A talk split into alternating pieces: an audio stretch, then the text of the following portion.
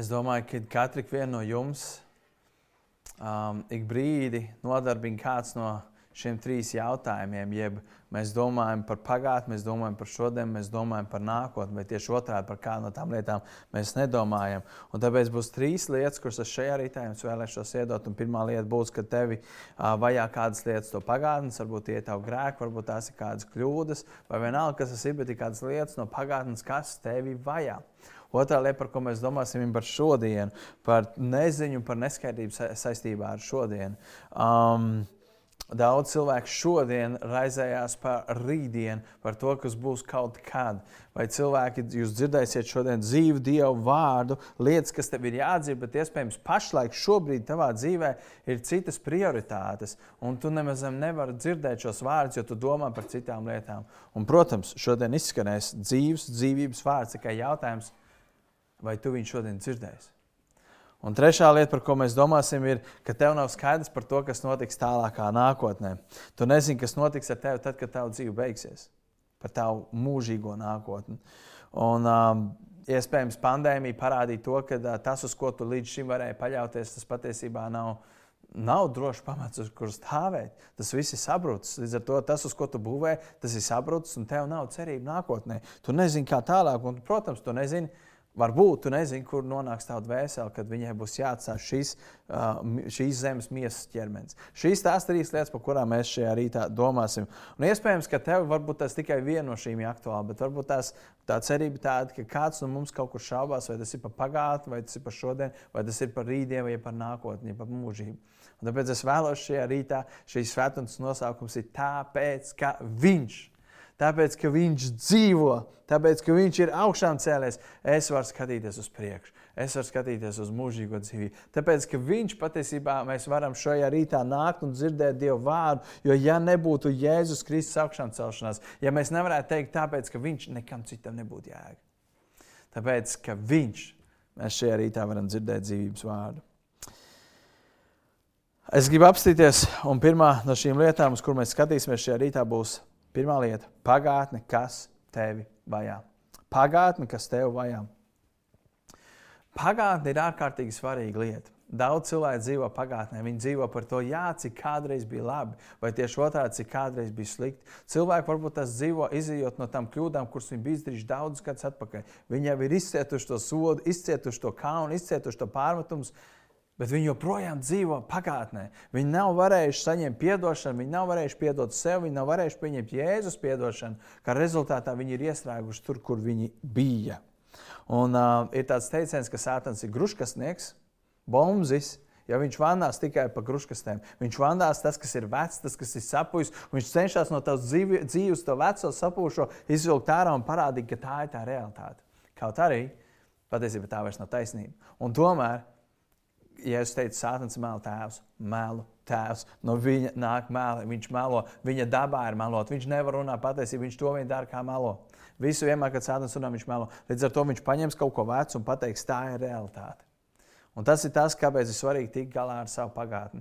Es šeit rītā iedošu vienu stāstu saistībā ar pagātni, mēs lasīsim no Lūkas evanģēlī 18. nodaļas no 10. līdz 14. pantam. Mēs jau to stāstu zinām, bet um, es gribu kādu lietu jums parādīt. 18. nodaļa, 10. pāns. Divi cilvēki aizgāja uz templi dievu lūgt. Viens bija farizējs, otrs bija muitnieks.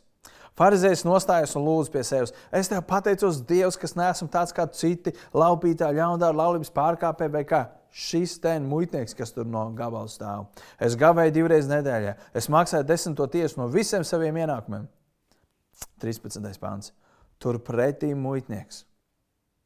Iztālēm stāvēdams, neuzdrošinājās pat acis pacelt uz debesīm, bet sita pa savām krūtīm un teica: Dievs, esi man grēciniekam žēlīgs. Un 14. pāns Jēzus saka, viņš nogāja savā mājās taisnots, labāks par to farizēju.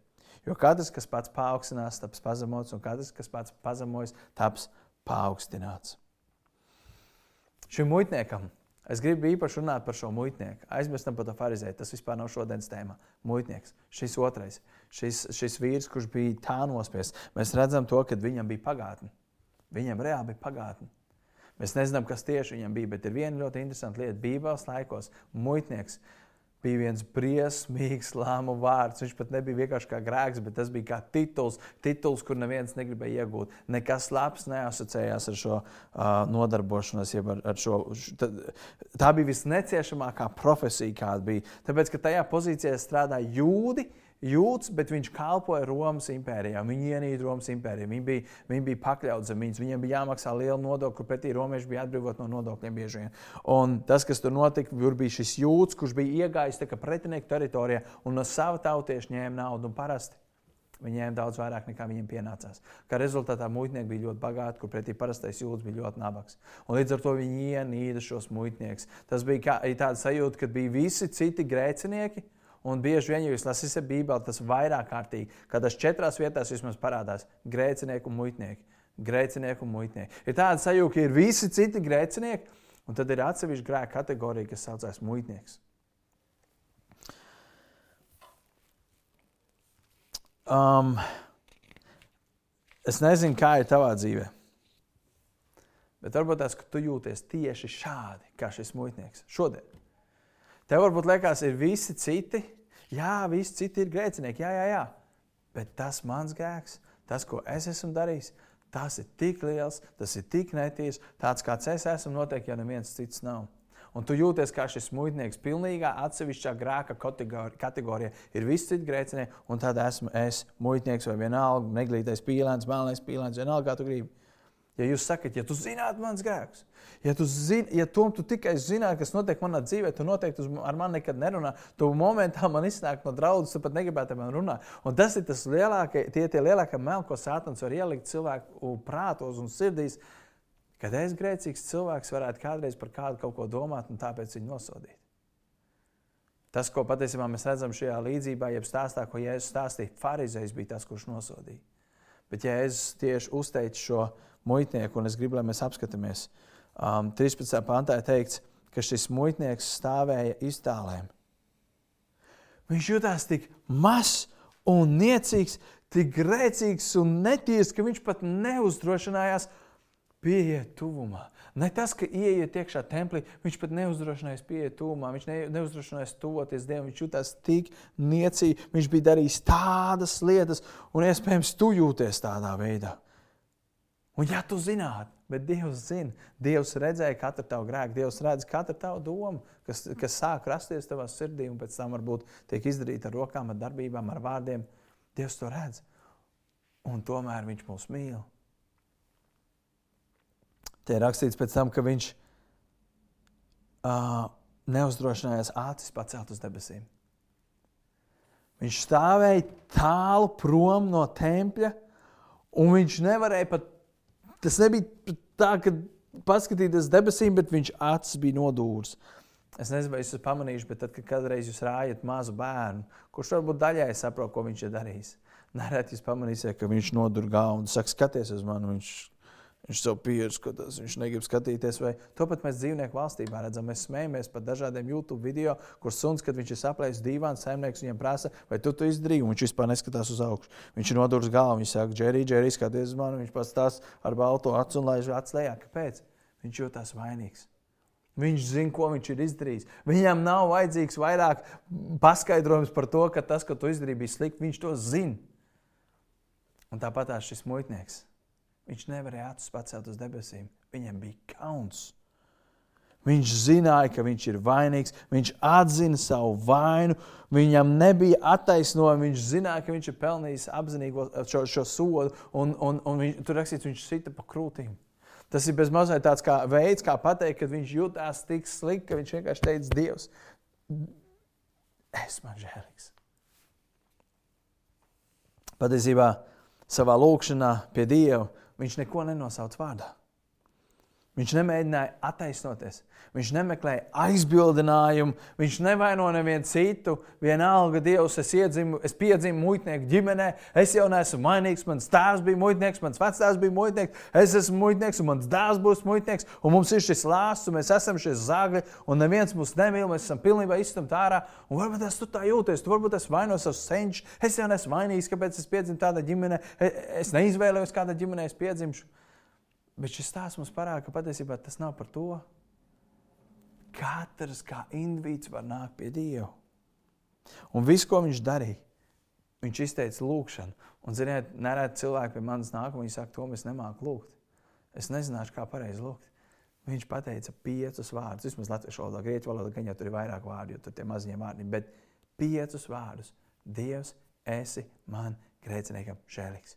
Tas ir viss. Lūkšana nesastāvēja no viena paplašināta teikuma vai no paragrāfa, no viena maksimāli īsta teikuma. Dievs, esi man grēciniekam žēlīgs. Tas ir viss. Kas ir interesanti? Viņš necerēja uz saviem nopelniem, viņš necerēja uz saviem labiem darbiem, bet viņš paļāvās un cerēja tikai un vienīgi uz Dieva žēlstību. Un tas, ko Jēzus teica nākošajā teikumā, viņš teica, es jums saku. Viņš saka visiem cilvēkiem, es jums saku, šis muitnieks aizgāja mājās taisnots, attaisnots, piedots, apžēlots, šķīstīts, nomazgāts, tīrs, bez grēka. Viņam tika piedots, un viņa lūgšana tika uzklausīta. Kādā veidā? Kā? Tāpēc, ka viņš, tāpēc, ka Jēzus ir augšām cēlējis, viņa lūgšana varēja tikt uzklausīt. Tāpēc, ka Jēzus Kristus piekdienas rītā tika sists un mocīts, spīdzināts un spaidīts, apspēldīts un pazemots, sists un beigās piesists krustā. Un mirdams pie krusta, viņš uz sevi uzņēma tēva dusmu kausu, piepildīt ar dieva dusmām līdz pēdējai pilītei. Tas ir tas, ko Jēzus uzņēma uz sevi, kad viņš nomira pie krusta. Tā nebija vienkārši mocekļa nāve. Tā nebija vienkārši nāve saistīta pilna ar sāpēm, bet tā bija nāve, uz kuras tika uzlikts virsū visas dieva dusmas. Lai šim muitniekam varētu tikt piedots un lai tev varētu tikt piedots. Vienalga, ko tu esi darījis pagātnē, nav grēki, kurus, kurus tu būtu darījis, un Dievs teikt, es tev nevaru piedot. Viss tev ir piedots. Kādā veidā? Jo svētdienas rītā, agri rītā, saulē austot, kad sievas nāca uz kapu, kaps bija tukšs, akmens bija novelts, un Jēzus miesas tur nebija. Un eņģeļi nāca un teica, sievas, ko jūs meklējat dzīvo pie mirušiem? Viņa šeit nav. Šie vārdi, viņa šeit nav, ir pati, patiesībā viena no spēcīgākajiem vārdiem, kāds mēs varam dzirdēt. Jēzus tur nav. Viņš ir augšām cēlies. Lai šāds muitnieks varētu saņemt atdošanu, lai es varētu pieņemt atdošanu. Un tomēr šodien kādu, kur klausās, varbūt tu klausies divas nedēļas vēlāk vai mēnesi vēlāk, kādu, kur klausās šajā rītā vai šajā dienā vai šajā vakarā, Tu joprojām jūties nospiests savu grēku dēļ, tev joprojām ir kauns, tu joprojām jūties mazsumniecīgs, tu joprojām varbūt jūties kā muitnieks. Tu varbūt tās būtu gribējis lieldienas rītā aiziet uz kādu baznīcu, kur drīkst iet, man, bet tu jūties tik netīrs, ka liekas, es neesmu cienīgs tur iet iekšā. Es esmu briesmīgs grēcinieks, Dievs nevarētu man pieņemt tādu, kāds es esmu. Bet es gribēju, tu zini, kaps ir tukšs, tas nozīmē, kad katram, kurš grib, katram, kurš vēlas un katram, kurš tic, ir pieeja pie Dieva. Katram. Un iespējams, tu jūties kā šis vīrs, kurš neuzdrošinājās acis pacelt.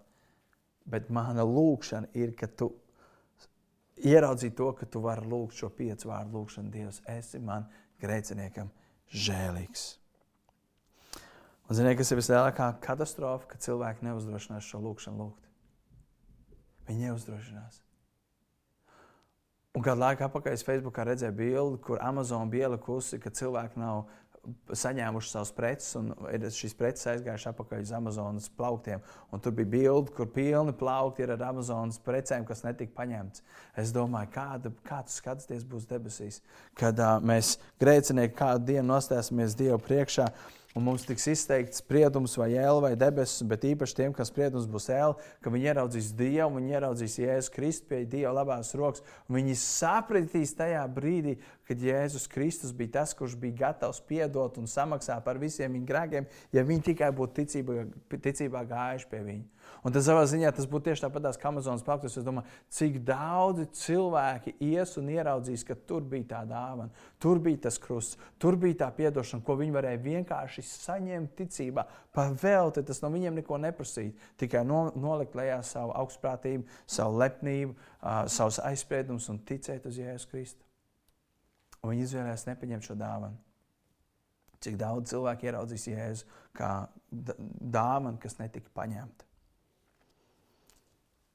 Tāpēc gribu aicināt, nekaunies no savu grēku, jeb nekaunies par to, ka tev ir grēks un ka tu tāpēc nevari nākt pie Dieva. Jā, tu esi grēkojis, jā, tu esi darījis to, kas ir slikts, jā, tu esi bijis kā muitnieks, bet tu šodien, šodien vari nākt pie Dieva un saņemt apžēlošanu.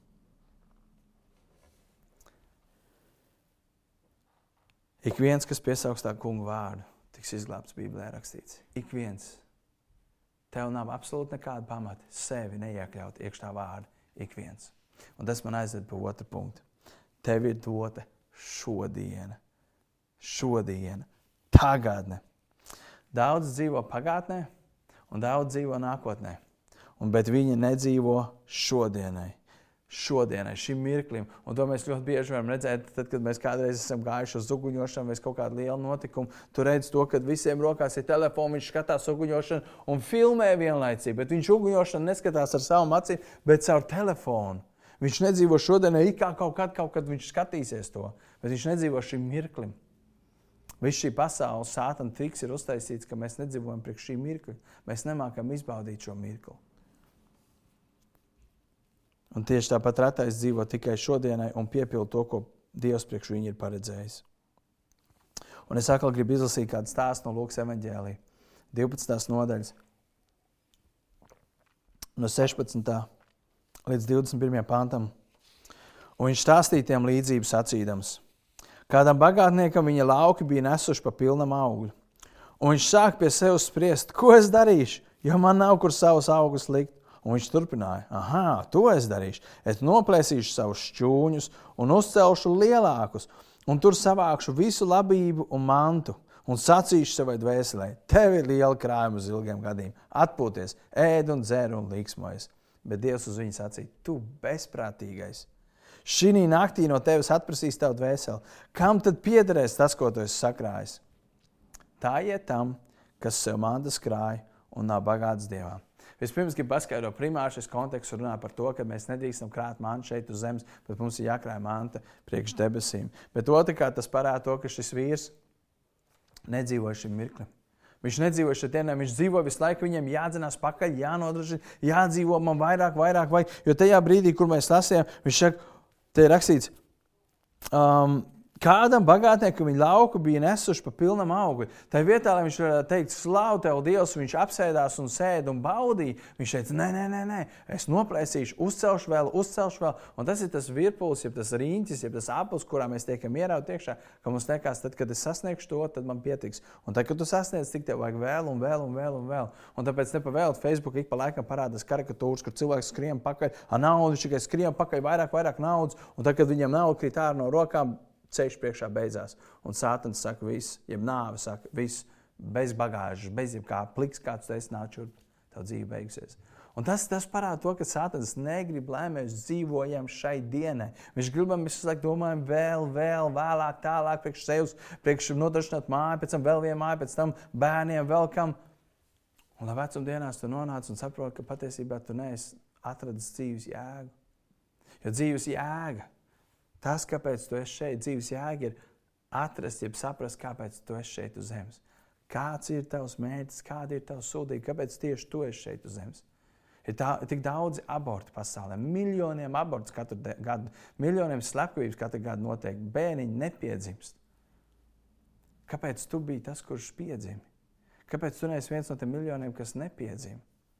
Bet tu esi piedzimis, tāpēc tev ir mērķis priekš uz šīs zemes. Kad Jēzus bija kāda saruna citu muitnieku, caķē vārdā, Lūks 19.5 ir rakstīts, Jēzus teica tā, caķē, kāp steigšu uz zemē, jo man šodien jāiegriež tavā namā. Caķei kāp zemē, man šodien ir jāiegriež tavā namā. Un caķis noliec no koka un aizskrēja mājās, lai gatavotos Jēzus uzņemšanai. Jautājums tev, vai tu šodien esi gatavs pieņemt Jēzu? Vai tu esi gatavs Jēzum? Vai tev ir laika priekš Jēzus šodien? Es nerunāju par to, ka, jā, jā, jā es vēl gribu skriet, es vēl bišķiņu, bišķiņu, bišķiņu, un tad. Šodien, šajā brīdī, 4. aprīlī, vai tev šodien ir laiks apstāties, un vai tev ir laiks priekš Jēzus? Ebrejiem 3. nodaļā mēs skatīsimies uz vairākiem pantiem. Es vienkārši parādīju, ka pēdējā ebreju vēstules 3. nodaļas 7. pantu līdz 4. nodaļas 7. pantam būtībā viens nodaļas ietvaros. Četras reizes parādās kāds ļoti svarīgs moments. Trešā nodaļa, septītais pāns. Tāpēc Svētais Gars saka, šodien, ja dzirdēsiet viņa balsi, neapcietniet savus sirdis, kā sarūktinājumā, kārdināšanas dienā, tuksnesī. 13. pāns. Bet pamāciet cits citu katru dienu, kamēr vēl saka, šodien, lai kādam no jums sirds netiktu apcietināta grēka viltība. Divu pantu tālāk. Ja saka, šodien, ja jūs viņu balsi dzirdēsiet, neapcietiniet savus sirds, kas sarūktinājumā. Un daži panti vēlāk, 4. nodaļa, 7. viņš no jauna liek kādu dienu, šodienu. Šodien, kad jūs viņa balsi dzirdēsiet, neapcietiniet savas sirdis. Nevienam no mums nav garantēta rītdiena. Bet Bībele saka, ja tu dzirdi Dieva balsi šodien, neapcietini savu sirdi. Ja Dievs uz tevi runā, ja tu jūties kā šis muitnieks, bet tu jūti, ka Dievs tev arī grib parādīt žēlstību, ka tu tomēr vari saukt šo piecu vārdu lūgšanu, Dievs, esi man grēciniekam žēlīgs. Ja tu jūti, ka tu to vari pateikt pāri savai mutē un sirdī tici, ka Dievs tev dzird un Dievs tev grib piedot, tad neapcietini savu sirdi, bet piesauc Dievu jau šodien. Negaidz rītdienu. Ziniet, ko dara rītdiena? Rītdiena nocietina savu sirdi. Nocietina tavu sirdi. Jo vairāk mēs atliekam, jo cietāk paliek tavs sirds. Bet, ja Dieva gars runā uz tevi šodien, tad atsaucies šodien.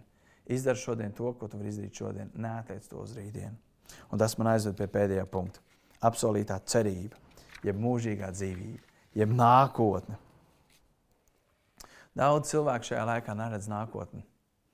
Tā nākotne, kādu viņi bija, kādu viņi bija iztēlo, iztēlojušies, kā kāšu namiņš sabruka, un tur vairs nekā nav. Daudz cilvēku šajā laikā dara, dara gāli, jeb grib darīt gāli savai dzīvei, jo viņi neredz kā tālāk. Viņi neredz rītdienu, viņi neredz nākotni. Bet Dievs Bībelē mums ir devis cerību, kā ir rakstīts, kas nepamat kaunā. Bībeles cerība ir atšķirīga no visām citām cerībām. Tā ir cerība, kas tevi nepamet kaunā. Tā ir cerība šodienai, cerība rītdienai un cerība mūžībai. Un es gribu nolasīt pēdējo stāstu šajā rītā no Lūkas evanģēlīja 23. nodaļas, 39. un 43. pānta. Lūkas 23 no 39. Un viens no pakārtiem, ļaundariem, Jēzus zaimoja sacīdams: Jēzu, ja tu esi Kristus, tad glābi sevi pašu un mūsu. Bet otrs to norāja un sacīja: Arī tu nebīsties Dieva, kas esi tajā pašā sodā? Mums gan pareizi notiek, jo mēs esam dabūjuši to, ko mēs esam pelnījuši ar saviem darbiem un nedarbiem, bet šis nekā ļauna nav darījis. Viņš sacīja uz Jēzu: Jēzu, piemini man, ka tu nāksi savā valstībā. Un Jēzus tam sacīja: Patiesi, es tev saku, šodien tu ar mani būsi paradīzē. Šodien tu ar mani būsi paradīzē. Es nezinu, kur tu šodien atrodies. Es nezinu, kāda ir tava situācija. Es nezinu, kas tev nospiež. Es nezinu, kādas šaubas sāpes sēž tavā sirdī, lai tavu ticību mitētos. Bet fakts ir tāds, ka katrs no mums pārnestā nozīmē karājas Jēzum Kristum pa kreiso un Jēzum Kristum pa labo roku. Mēs katrs karājamies, un mēs katrs esam izvēles priekšā zemot jēzu, nepieņemt jēzu, vai pieņemt jēzu un ticēt viņam un dzirdēt šos vārdus, kurus mēs katrs ik viens gribētu dzirdēt. Tom šodien to ar mani būs debesu valstībā. Ir daļa cilvēku, kur izvēlās palikt ar pirmo grēcinieku un turpināt zēmot, bet otrs grēcinieks, līdzīgi kā šis muitnieks, Ko šis muitnieks izdarīja, ja šis grēcinieks, ko viņš izdarīja? Viņš atzina savu vainu, viņš atzina savu grēku, viņš atzina savu sodu. Viņš saka, mēs esam pelnījuši karāties pie krusta ar saviem grēkiem, mēs esam pelnījuši. Viņš teica otrā lieta, bet Jēzus, viņš ir taisns, viņš ir svēts, viņš ir bezgrēcīgs, viņš ir pilnīgi perfekts. Un trešā lieta, viņš teica, Jēzu, apžēlojies par mani. Tas ir viss, kas tev šajā rītā ir jādara. Tāpat kā muitniekam, tāpat kā grēciniekam. Jāatzīst savs stāvoklis, jāatzīst Jēzus stāvoklis un jāsauc uz Jēzus Kristu. Ja tu tici, ka Jēzus ir bezgrēcīgs un cienīgs un taisns piedot tavus grēkus, tad sauc uz viņu. Un tad tu tāpat kā šis grēcinieks. Ziniet, kas ir interesanti? Šis grēcinieks, kas bija pie krusta kurš dzirdēja šos vārdus, šodien to man būs paradīzē. Pēkšņi nagls nenokrita no viņa rokām, un viņš neaizskrēja mājās taisnots, kā šis uh, muitnieks. Bet viņš aizgāja uz debesu mājā, taisnots un viņš var būt kopā ar Jēzu paradīzē, kaut arī viņš bija pelnījis nāves sodu. Viņš dzirdēja vārdus, ko mēs visi gribētu dzirdēt. Tom, tu šodien būsi paradīzē, Tom ar mani tu šodien būsi paradīzē un ieliec tur savu vārdu. Un tad mēs uzdodam jautājumu, kā, kādā veidā, kā tas ir iespējams?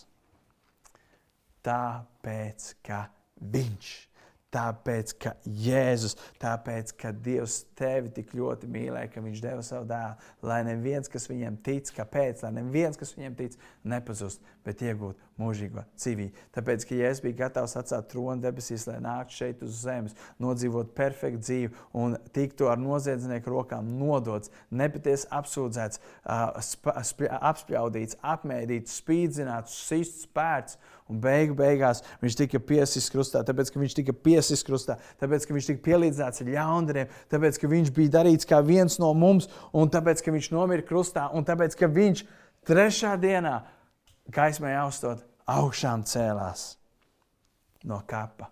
Un tas viss, lai tev varētu tikt piedots. Tas viss, lai tavs grēks tiktu piedots. Tas viss, lai tu, ja, ja tu jūties kā šis muitnieks, lai tu varētu šaukt, saukt šo piecu vārdu lūgšanu Dievs, esi man grēciniekam žēlīgs. Bet ziniet, ebreju vēstule teica, šodien, kad jūs dzirdēsiet viņu vārdus, neapcietiniet savu sirdi. Ja tā pagātne tev moka, vai domas par rītdienu un mūžīgo dzīvību, tad tas, uz ko es tev gribu aicināt šajā rītā, sauc uz Jēzu Kristu. Ieraug viņu kā glābēju, kurš vienīgais var piedot tavus grēkus. Un šajā brīdī, tad, kad tu izslēgsi telefonu, vai vienalga, varbūt tu klausies mēnesi vēlāk, un tu aiztaisīsi ciet savu datoru, nērēt Facebookā vai vienalga, kur tu skaties, tur uzreiz sāk spēlēt nākušais klipiņš, nākušais video. Tad, kad tu dzirdēsi āmeni un dievkalpojums beigsies, aiztaisi to, to ciet. Un ja Dieva vārds runā uz tevi šajā rītā, Es esmu tik bieži redzējis un dzirdējis cilvēku, saka, es nesaņēmos, es nobaidījos, vai kaut kas cits uznāca augšā. Beidz! Beidz bēgt no Dieva. Tas, uz ko es tiku aicināts. Un tas varbūt, tas, ziniet, es varbūt gribu nedaudz varbūt, būt cilvēcīgs un teikt, es daudz labprātāk runātu uz pilnu zāli cilvēkiem, kur varbūt tās būtu atnākuši cilvēki, kur nekad nenāktu. Bet es vēlos teikt to, um, ja Dievs uz tevi runā, uzraksti man. Uzrakst to, es nezinu, kas notiek. To es nezinu, kas notiek manā dzīvē. To e, e, es nezinu, kur es nonākšu. Ko tev tas prasa? Uzrakst man vai uzrakst kādam citam, kur jūs pazīstat no mūsu draugs vai cits, un saka, es gribu iegūt mieru attiecībās ar Dievu. Cik lieldienas tu gribi, lai paiet garām? Cik lieldienas tu gribi, lai tev paiet garām, ka tu nesatver patieso svētku nozīmi? Neļauj tiem apstākļiem, kas tulīt pēc brīdiņa sāksies, kad beigsies dievkalpojums, noņemt no tev no tā, kas tev var uzvest uz mūžīgās dzīves ceļu. Un, ja Dievs uz tevi runā šajā rītā, es lūdzu, Svētais Dievs, es lūdzu, lai tu pieskaries katram vienam. Ja es Kristus lūdzu šajā rītā, tu redz, ka kāds nomok pagātni, kādu nomok domas par šodienu, un kādu nespēja neko citu domāt kā par nākotni. Tēvs, es lūdzu. Es lūdzu, ja kāds šajā rītā jūtās kā šis muitnieks vai kā šis grēcinieks pie krusta, kad viņš spētu atzīt sev par grēcinieku un spētu nest savu grēku tavā priekšā un saukt uz tevi, kas esi taisns un cienīgs mums aizstāvēt tavā priekšā. Ka viņi spētu lūgt Dievs, esi man grēciniekam žēlīgs. Jēzu, esi man grēciniekam žēlīgs. Uzrunā katru vienu jēzu šajā rītā. Neļaus sātanam un visai burzmai un aizņemtībai neuzrakstīt, nelūgt. Bet tēvs, ka daudzas lūgšanas šajā rītā tikt raidītas tavā priekšā. To mēs lūdzam Jēzu Kristu, tavā vārdā. Amen.